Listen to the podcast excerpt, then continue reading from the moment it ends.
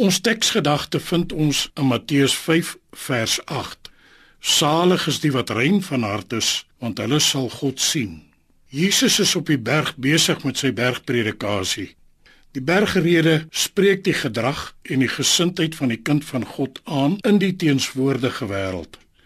Daar word 'n siening gehuldig dat wanneer 'n mens die bergpredikasie kan uitleef, jy 'n volmaakte mens sal wees.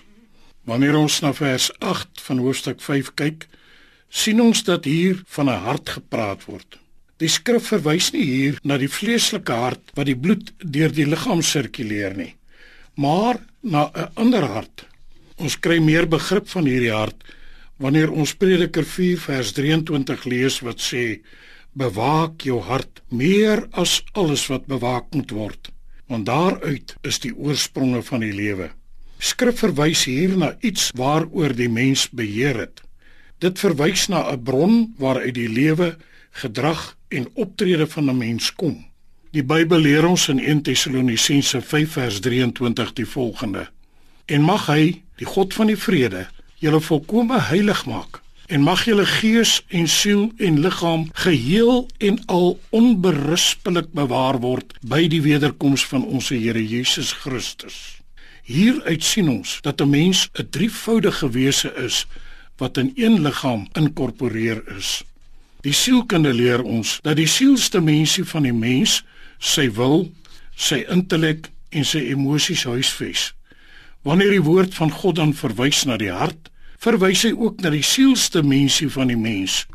Ons lees in Markus 7 vanaf vers 21 tot 23 die volgende: Want van binne uit die hart van die mens kom die slegte gedagtes.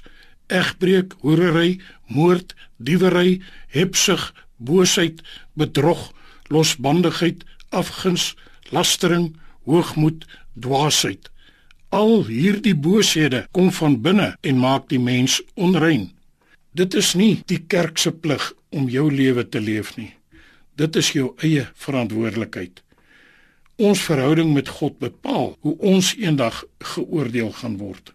Salig is die wat rein van hart is, want hulle sal God sien. Om God te kan sien beteken nie om hom op 'n afstand te sien nie, maar om in sy teenwoordigheid te leef en te wandel, om altyd in sy nabyheid te wees.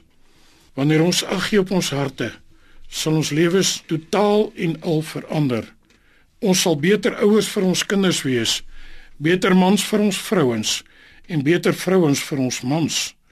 Ons sal 'n beduidende verskil in ons samelewing maak deur ons leefwyse.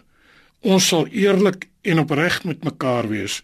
Wanneer ons as Suid-Afrikaners ons daarop toelê om die wil van God in ons lewens te soek, sal ons 'n geseënde volk wees. Die wêreld sal kennis neem van die guns wat God aan ons bewys het. Kom ons bid saam. Ek bid dat U o God, U Gees sal stuur om in elkeen van ons te werk om te wil en te werk na U welbehae, sodat U in en deur ons verheerlik sal word in Jesus naam. Amen.